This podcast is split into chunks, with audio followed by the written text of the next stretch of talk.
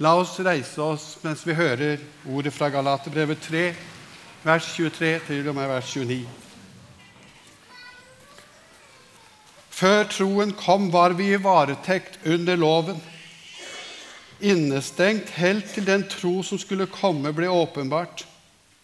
Slik var loven vår vokter til Kristus kom, for at vi skulle bli kjent rettferdige ved tro. Men nå når troen er kommet, er vi ikke lenger under vokteren, for dere er alle Guds barn ved troen i Kristus Jesus. Alle dere som er døpt til Kristus, har kledd dere i Kristus. Her er ikke jøde eller greker, her er ikke slave eller fri, her er ikke mann og kvinne. Dere er alle en i Kristus Jesus. Og hører dere Kristus til, da er dere Abrahams ett og arvinger etter løftet. Slik lyder Herrens ord.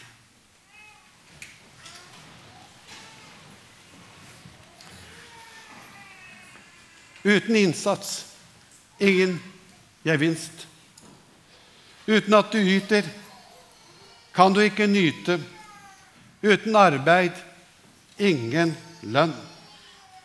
Uten trening ingen framgang, ingen seier. Du skal høste det du sår. Slik tenker vi. Slik lever vi. Og dette er nødvendig. Det er nyttig. Tenk deg at en trener sa til yndlingslaget ditt at det er ikke så nøye med trening.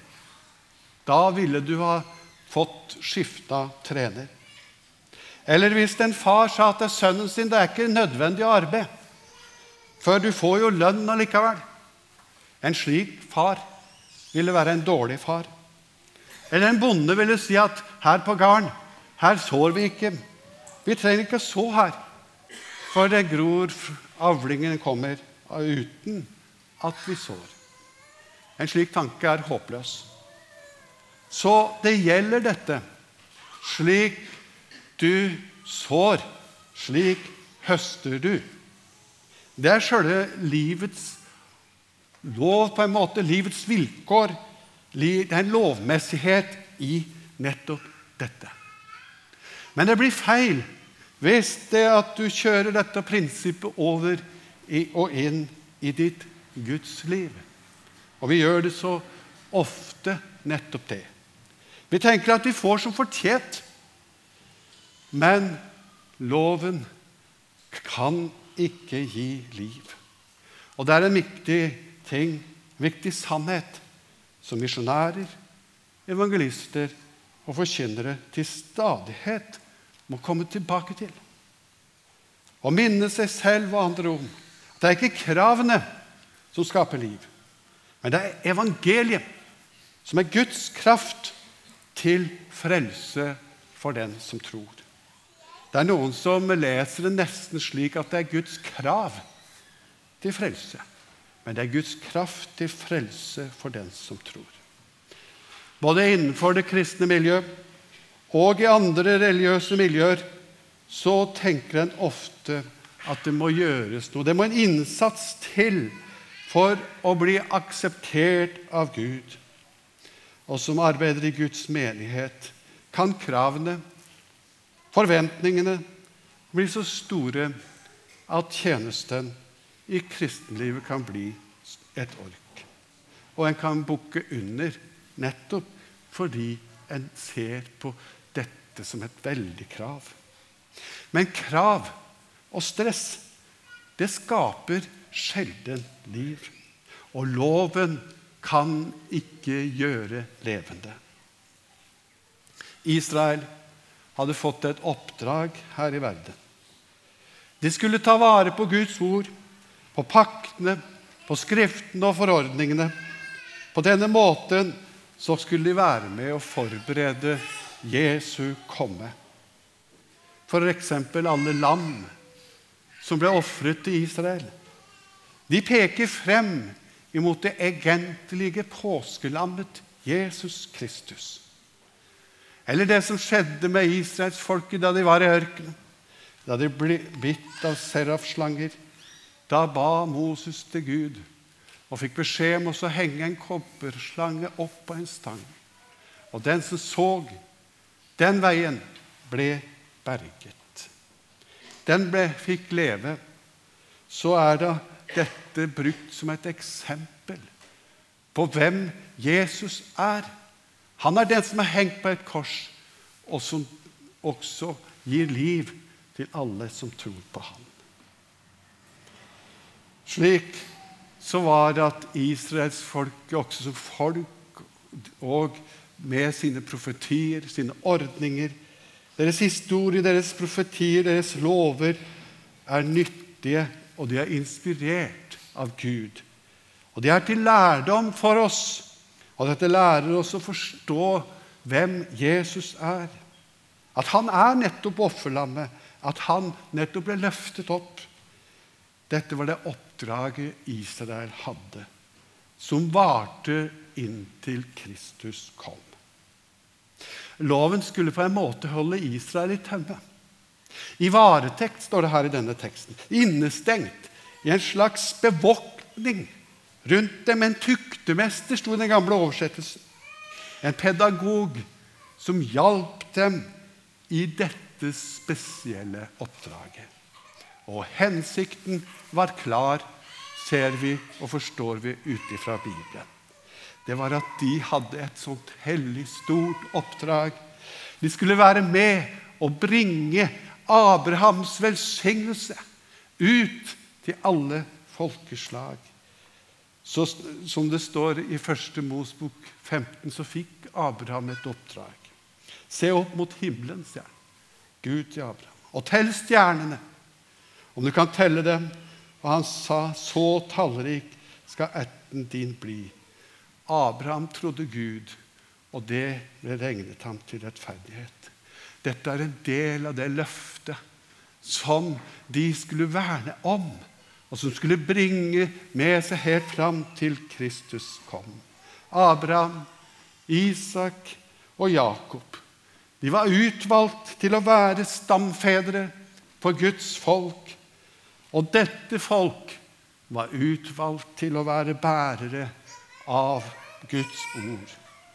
Og dette oppdraget hadde de frem til det skulle komme en. En som er verdens sentrum. En som alt dreier seg om. En som er vår frelser. Han som bar verdens synder på sine skuldre. Han som er altså, som jeg har sagt to ganger før nå, det virkelige påskelammet. Som det står litt før det avsnittet vi delte sammen, så står det men Kristus kjøpte oss fri ifra lovens forbannelse da han kom under forbannelse for vår skyld. For det står skrevet 'Forbannet er hver den som henger på et tre'. Slik, altså på denne måten, skulle Abrahams velsignelse komme til folkeslagene i Kristus Jesus, så vi med troen skulle få Ånden som det var gitt løfte om. På denne måten så blir alle som tror på Jesus, de får del i Abrahams velsignelse og blir Abrahams barn. De blir Guds barn, de som tror på ham. Og det er altså dette som var Israels oppdrag de hadde et oppdrag til Kristus kom. De hadde sin tid inntil Jesus. Disse reglene, disse påbud, disse anordninger som de måtte følge, de frelste ingen, men var med på å hjelpe israelsfolket til å utføre oppdraget sitt, nemlig å ta vare på disse løftene, som er så livsviktige for hele menneskeslekten. Ta vare på paktene som de måtte ha, ofringene. Og så var alt dette pekere fremover mot Kristus som led døden for oss alle. Det var altså slik at alle disse ordningene i den gamle tid, eller den gamle pakt, de pekte frem imot Jesus. Men nå, nå er vi inne i en ny tid. Nå er Kristus kommet. Derfor trenger vi ikke denne ordningen lenger. Vi trenger ikke omskjæres. Vi trenger ikke ofringene. Denne pedagogiske oppgaven den er ferdig, den er fullført. Nå er vi ikke slaver under slikt. Nå er vi barn, og vi er arvinger. Og det var om slike ting kampen i Galatermenigheten sto om. Judaistene, de som han skrev imot, de ville at for, for at du i hele tatt skal kunne kalle deg et Guds barn, så må du iallfall holde et minimum av loven. Men da var det Paulus gikk i angrep og sa noe om dette. Og så sier han i det avsnitt som vi har lest i lag Dere er ikledd Kristus. Dere som er døpt til ham. Dere er fullstendig skjult i Hans nåde. På samme måte som vi i dag så Selma og Haftor kledd i store, hvite dåpskjoler. Slik er vi skjult i Kristus. Vi er kledd i ham. Vi er skjult i ham. Det betyr at når Gud ser deg, så ser han Kristus. Og du er i ham ren, rettferdig, hellig, ulastelig og ustraffelig. Slik er det fordi du er skjult i Kristus. Og på denne måten så er også Kristus oppfyllelsen av det løftet som ble gitt til Abraham og hans ett. Og i Kristus har alle Guds løfter fått sitt ja og amen. Ikke på grunn av omskjærelse, ikke på grunn av strev, ikke av lovpålagte forskrifter får du nå del i denne store gave men av tro på Kristus og hans gjerning, hans nåde, så blir du arving til de himmelske skatter. Arving av det løftet som ble gitt til Abraham. Altså ikke ved å holde, ikke ved å prestere, men ved å ta imot. Verken Selma eller Haftor klarte å gjøre så mye i dag. Men de fikk del i den himmelske gave. Slik er det med oss alle. Skal vi få del i det, så får vi det som, like som et lite barn. Men så kan vi da spørre, og jeg er nødt til å ta meg to, to, et par minutter og si noe. Gjelder ikke budene lenger, sier du da? Er det bare å leve og dure fram? så kan jeg bare fortsette å stjele. Kan jeg fortsette å bryte ekteskapet? Skal jeg fortsette å lyve? Og så videre. Det kan vi da si og spørre om. Nei, det kan du ikke. Et samfunn ville bli kaotisk hvis det var bare å dure fram. Derfor er budene et, til et gode for menneskene. De er en beskyttelse for oss alle sammen. Og så En annen sak er jo det at hvis du tar budene på alvor, så ser du at det krever at du ikke bare skal gjøre det med hånden, men du skal elske Gud, og du skal elske de neste over og mer enn deg sjøl.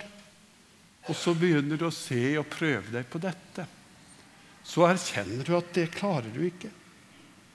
Da blir det på nytt en slags pedagog en tuktemester som er, gjør at du erkjenner at uten Kristus så klarer jeg ingenting. Da ser du at du er en synder og mangler Guds ære. Og på denne måten så den, har den også sin virk, virksomhet i dag. Men for å frelse deg, for å få del i, i, i selve gaven, så må den bare skjenkes deg uforskyldt av bare nåde. Og Den tredje tanken som vi har om dette, det er at du som Guds barn, etter at du har blitt en kristen, så har du fått en ny natur, en ny vilje. Og du vil leve slik Gud vil. Og du følger derfor Hans bud. Ikke for å bli en kristen, for å bli frelst, men fordi du er det. Og så har jeg lyst til å si noen setninger om et annet tema i denne teksten, og det er at Gud gjør ikke forskjell på folk.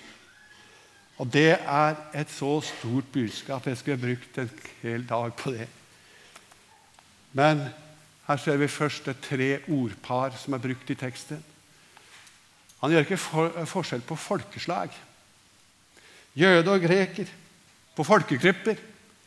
Vi tror, når vi er i vår mest liksom, nasjonalistiske hjørne, at uh, se til, til, til Norge. Vi er best. Vi har den beste kulturen. Og vi står liksom fram og tror så godt om oss selv.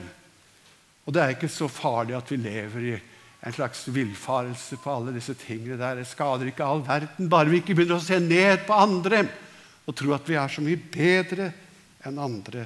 Da begynner det å bli farlig.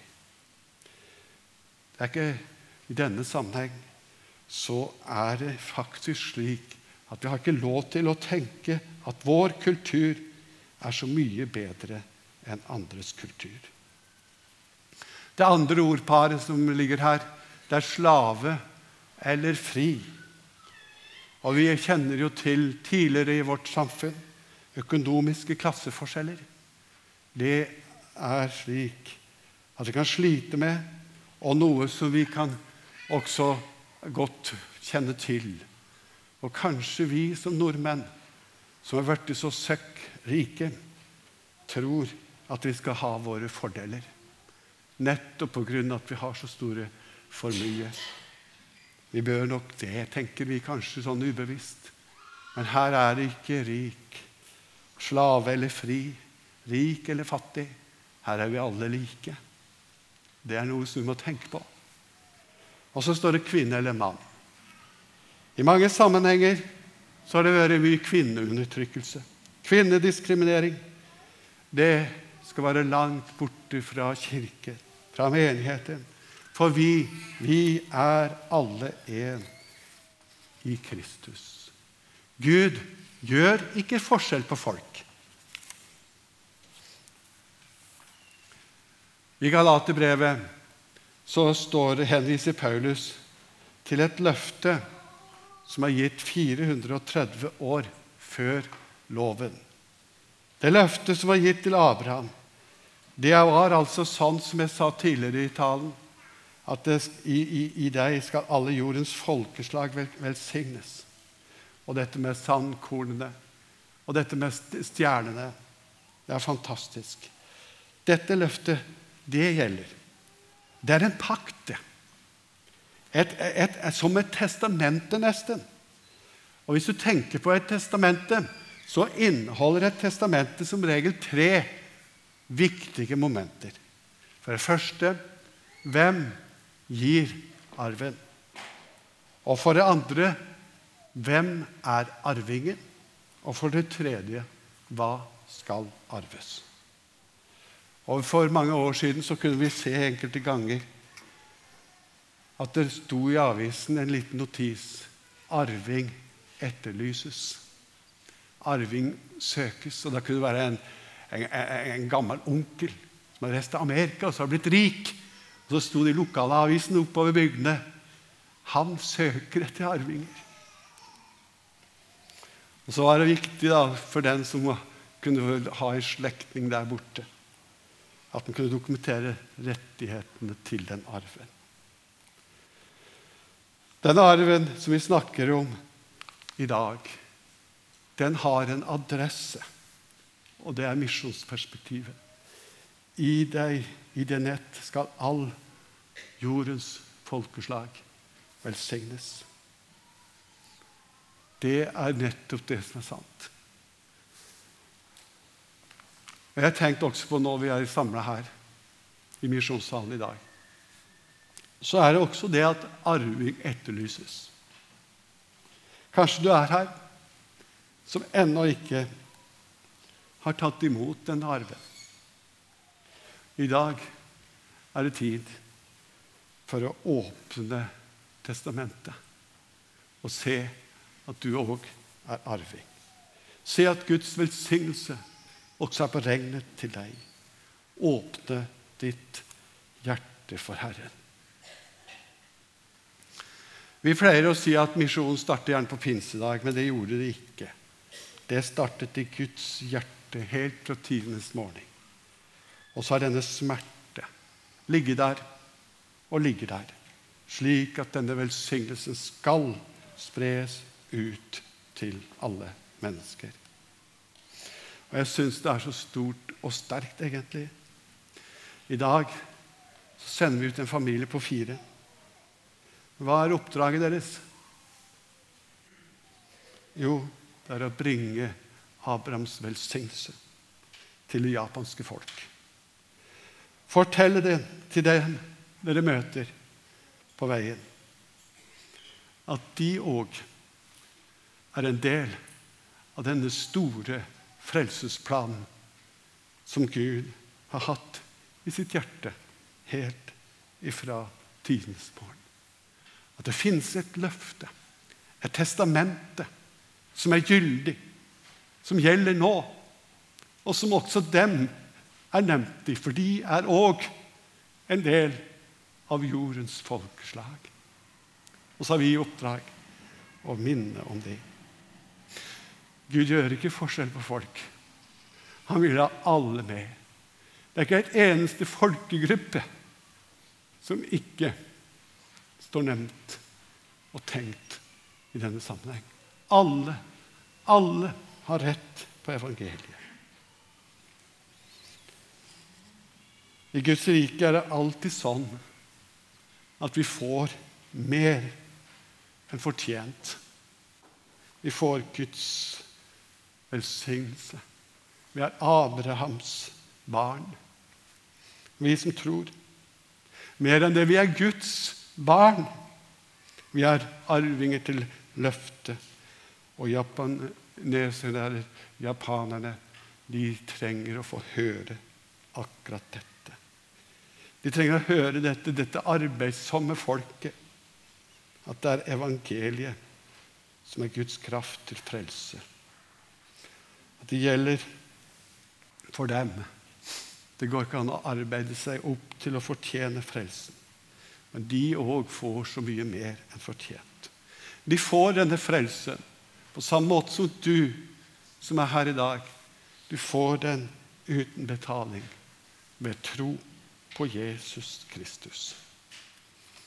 Derfor, kjære misjonsvenner og misjonskandidater, må Gud velsigne dere i tjenesten. Vi er stolte av dere og glad for at dere skal være våre utsendinger. Amen.